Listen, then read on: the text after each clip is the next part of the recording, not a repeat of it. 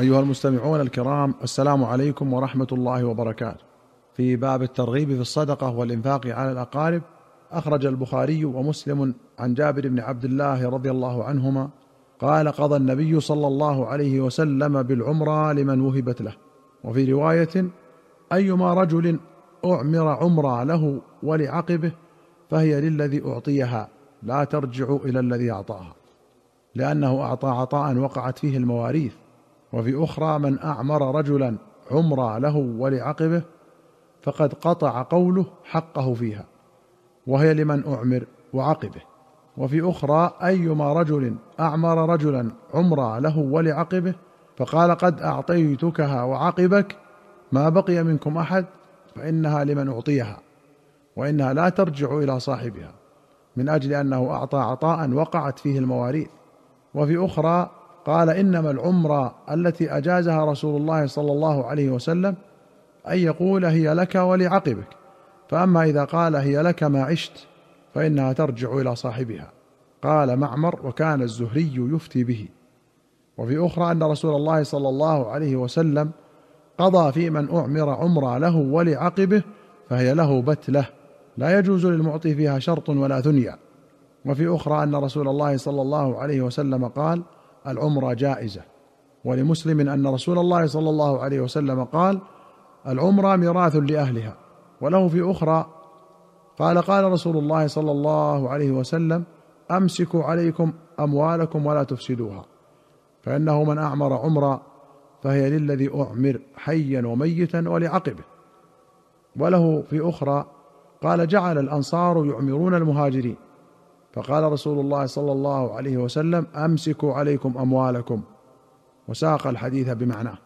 وفي أخرى له قال أبو الزبير الراوي عن جابر أعمرت امرأة بالمدينة حائطا لها ابنا لها ثم توفي وتوفيت بعده وترك ولدا وله إخوة بنون للمعمرة.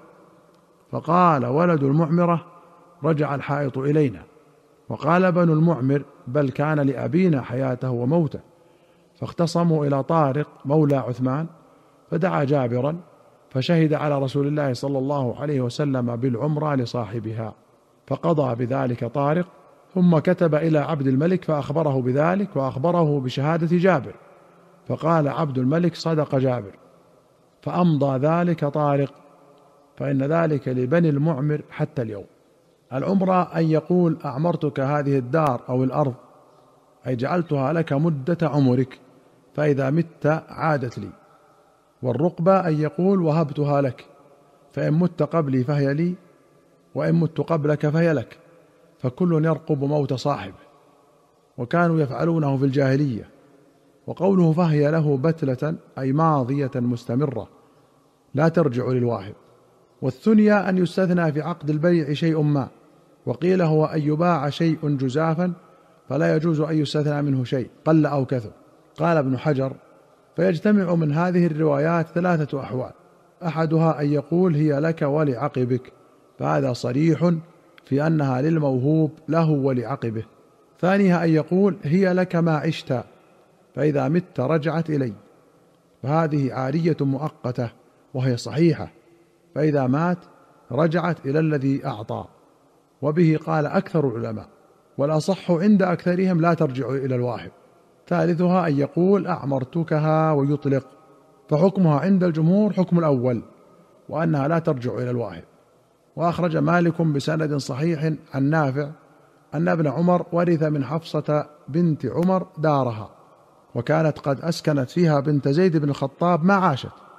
فلما توفيت بنت زيد قبض عبد الله بن عمر المسكن. ورأى أنه له.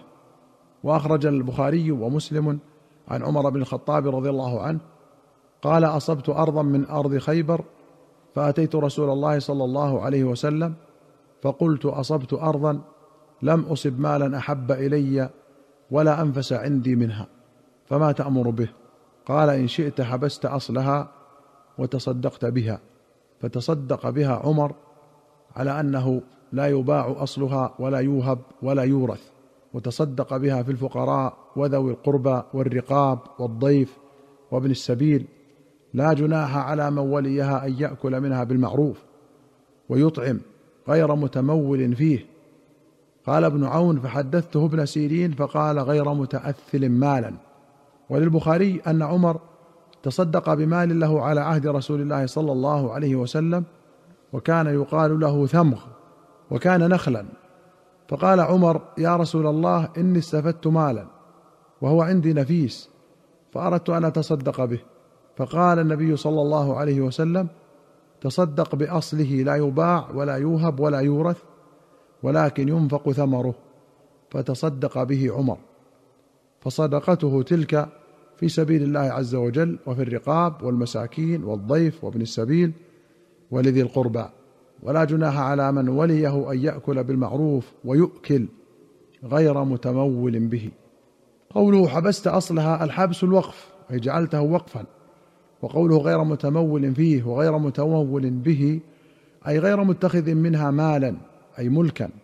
والمراد أنه لا يمتلك شيئا من رقابها. وهو معنى غير متأثل فإن المتأثل هو الذي يدخر المال ويقتنيه. وثمغ أرض تلقاء المدينة كانت لعمر وقد ذكر أبو داود نص وصية عمر رضي الله عنه. وأخرج مسلم عن أبي ذر رضي الله عنه أن ناسا من أصحاب النبي صلى الله عليه وسلم قالوا للنبي صلى الله عليه وسلم يا رسول الله ذهب أهل الدثور بالأجور يصلون كما نصلي ويصومون كما نصوم ويتصدقون بفضول أموالهم. قال أوليس قد جعل الله لكم ما تصدقون به؟ إن بكل تسبيحة صدقة وكل تكبيرة صدقة وكل تحميدة صدقة وكل تهليلة صدقة وأمر بمعروف صدقة ونهي عن منكر صدقة وفي بضع أحدكم صدقة. قالوا يا رسول الله أيأتي أحدنا شهوته ويكون له فيها أجر؟ قال أرأيتم لو وضعها في حرام كان عليه وزر؟ فكذلك إذا وضعها في الحلال كان له أجر.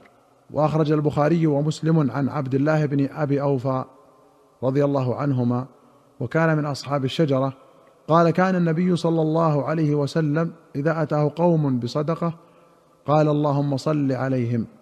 فأتاه أبي بصدقته فقال اللهم صل على آل أبي أوفى.